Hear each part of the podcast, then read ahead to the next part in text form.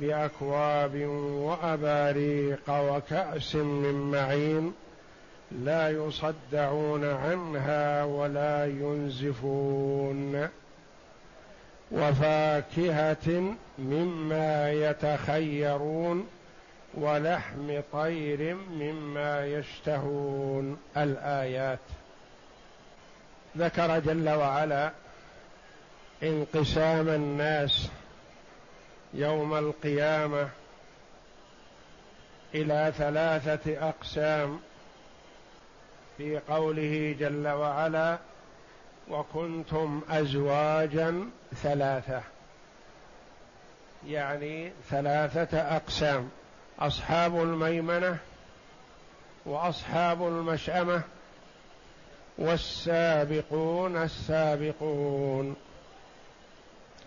ثم بين جل وعلا ما أعده للسابقين من النعيم المقيم في الجنة فقال أولئك المقربون في جنات النعيم ثلة من الأولين وقليل من الآخرين على سرر موضونة متكئين عليها متقابلين يطوف عليهم ولدان مخلدون. بأكواب وأباريق وكأس من معين لا يصدعون عنها ولا ينزفون. وتقدم الكلام على هذه الآيات ومعنا الآن قوله جل وعلا وفاكهة مما يتخيرون ولحم طير مما يشتهون. الآيات. أي مما أعده الله جل وعلا لأصح لهؤلاء للسابقين وفاكهة مما يتخيرون ولحم طير مما يشتهون. قراءة الجمهور جمهور القراء بالجر وفاكهة مما يتخيرون ولحم طير مما يشتهون. معطوف على قوله جل وعلا يطوف عليهم ولدان مخلدون بأكواب. الباء حرف جر وأكواب مجرور بالباء. بأكواب وأباريق. كلمة مجرورة كذلك وهي ممنوعة من الصرف. والممنوع من الصرف يجر بالفتحه نيابة عن الكسرة. لا يصدعون عنها ولا ينزفون وفاكهة. يطوف عليهم ولدان مخلدون بأكواب وفاكهة مما يتخيرون ولحم طير مما يشتهون. وقرئ بالرفع على الابتداء. أي تقرأ. يطوف عليهم ولدان مخلدون بأكواب وأباريق وكأس من معين لا يصدعون عنها ولا ينزفون وفاكهة مما يتخيرون ولحم طير مما يشتهون. وفاكهة ولحم مرفوعة على الابتداء أي ولهم. فاكهة مما يتخيرون ولهم لحم طير مما يشتهون. وقال جل وعلا هنا وفاكهة مما يتخيرون ولحم ولحم طير مما يشتهون وعرفنا أنه يجوز فيها هذا وهذا وهي قراءتان سبعيتان إلا أن قراءة الجمهور وفاكهة ولحم طير. وهنا فرق بين الفاكهة واللحم. فقال جل وعلا وفاكهة مما يتخيرون ولحم طير مما يشتهون. الفاكهة يتفكه فيها ويأكلها غير الجائع وفيها بيان لآداب الأكل كما بينته السنة المطهرة. فالنبي صلى الله عليه وسلم قدم بين يديه طعام في صحفة فكان الآكل معه تطيش يده في الصحفة. فقال له النبي صلى الله عليه وسلم كل مما يليك فإن الطعام واحد. ثم قدم بين يديه تمر أو رطب شك الراوي. فكان هذا الآكل معه يأكل واحدة واحدة مما يليه. فقال له النبي صلى الله عليه وسلم تخير فإن الطعام يختلف. وقال هنا وفاكهة مما يتخيرون. فإذا قدم بين يدي الإنسان الفاكهة فله أن يأخذ القريبة منه أو البعيدة يختار ما يناسبه. ولا يلزمه أن يأكل مما يليه إلا إذا كان الطعام واحدا. فالفاكهة تتخير. واللحم قال مما يشتهون لأن الغالب أن الذي يأكل اللحم جائع. يريده للشبع فهو يقدم له اللحم الذي يشتهيه ويروق له. فعن ابن مسعود رضي الله عنه قال قال لي رسول الله صلى الله عليه وسلم إنك لتنظر إلى الطير في الجنة فتشتهيه فيخر بين يديك مشويا. فعبد الله في الجنة يرى الطير في الهواء يطير بين يديه فتشتهيه نفسه فإذا به في الحال يقع بين يديه مشويا ثم يأكل منه ما يشتهي ثم تجتمع عظامه ويطير ويعود كما كان بإذن الله. وأخرج أحمد وغيره عن أنس بن مالك رضي الله عنه قال قال رسول الله صلى الله عليه وسلم إن طير الجنة كأمثال البخت عن الإبل ترعى في شجر الجنة. فقال أبو بكر يا رسول الله إن هذا الطير لناعمة. فقال عليه الصلاة والسلام آكلها أنعم منها وإني لأرجو أن تكون ممن يأكل منها. وفاكهة مما يتخيرون ولحم طير مما يشتهون. أي تشتهيه نفسه. والفاكهة يتخير فيها خيارا. ثم قال جل وعلا وحور عين. وحور عين. يصح فيها الرفع والنصب والجر. قراءة الجمهور برفعها. وحور عين. يطوف عليهم ولدان مخلدون وحور عين يعني يكون معطوف على ولدان يطوف عليهم ولدان مخلدون وحور عين. أو ونساؤهم حور عين خبر لمبتدأ مقدر. أو خبر أو تقديره ولهم حور عين. على تقدير أنها مبتدأ وخبره الجار والمجرور. لهم حور عين. وقرئ بالجر.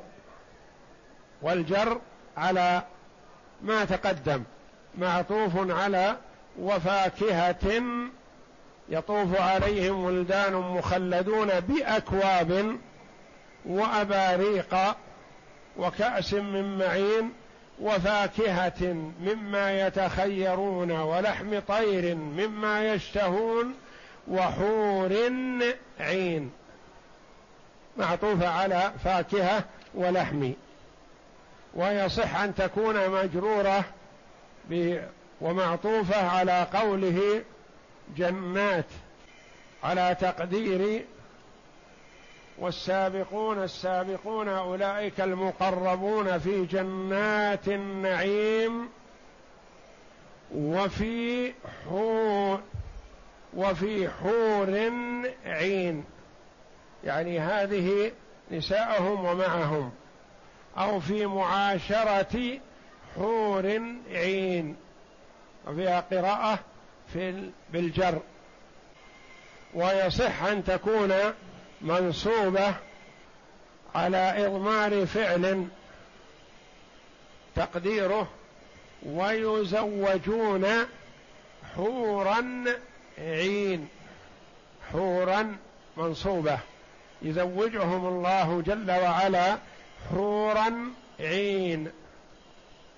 ففي حور عين ثلاث قراءات وكلها سبعية. وتقدم الكلام على الحور والحورى شديدة البياض المشوب بحمرة والعين واسعة العيون أو شديدة سواد العين واسعة بياضها. شديدة السواد شديدة بياض العين يقال لها عين. أي كأن عيونها واضحة جلية مجملة لها. وحور عين كأمثال اللؤلؤ المكنون. اللؤلؤ الدر.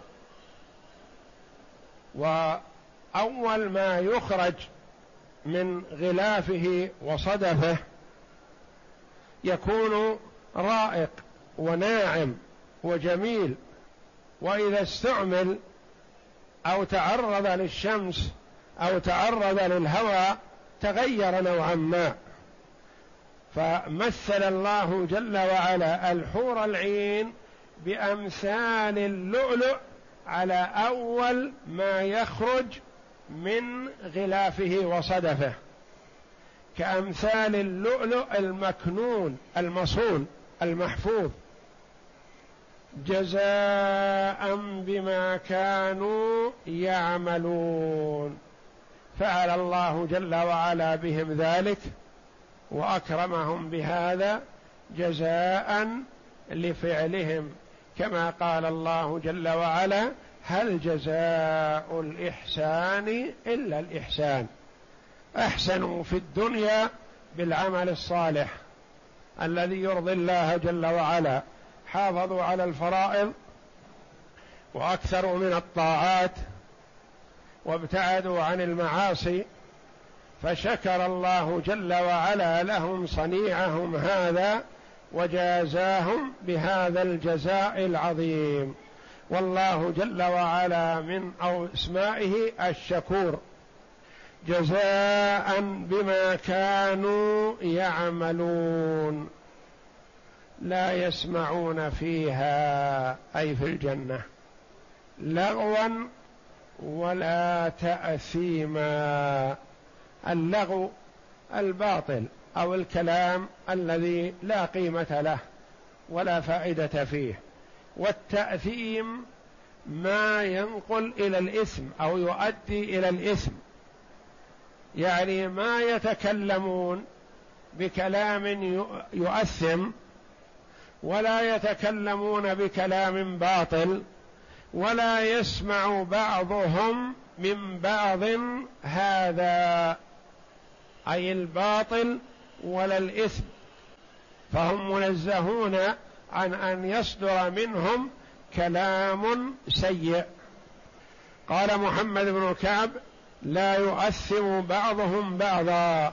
وقال مجاهد لا يسمعون شتما ولا ماثما والمعنى أنه لا يقول بعضهم لبعض أثمت لأنهم لا يتكلمون بما فيه إثم. ما يتكلمون إلا بكلام طيب. قال ابن عباس رضي الله عنهما لغوا باطلا ولا تاثيما كذبا. إلا قيلا سلاما سلاما. يسمعون الكلام الطيب والسلام. يسلم بعضهم على بعض. ويسلم الله جل وعلا عليهم. إلا قيلا سلاما سلاما. ماذا نقول في هذا الاستثناء؟ لا يسمعون فيها لغوا ولا تأثيما. إلا قيلا سلاما سلاما. هل نقول هذا الاستثناء متصل أم منقطع؟ مع العلم أن المتصل هو ما كان المستثنى من نوع المستثنى منه. والمنقطع ما كان المستثنى من غير المستثنى منه من غير نوع وشكل المستثنى منه. فماذا نقول في هذا الاستثناء منقطع؟ لأنه قال جل وعلا لا يسمعون لغوا لا يسمعون فيها لغوا ولا تأثيما. لا يسمع هذا. وإنما كأنه قال لكن يسمعون الكلام الحسن. فلا يسمعون الكلام السيء وإنما يسمعون الكلام الحسن. إذا فالمستثنى غير المستثنى منه. فإذا يكون منقطع. أي القول الذي يسمعونه يسمعون السلام. والمعنى أنهم لا يسمعون إلا تحية بعضهم لبعض. يحيي بعضهم بعض. وهذا ما حث عليه النبي صلى الله عليه وسلم بإفشاء السلام. وقال عليه الصلاة والسلام سلم على من عرفت ومن لم تعرف.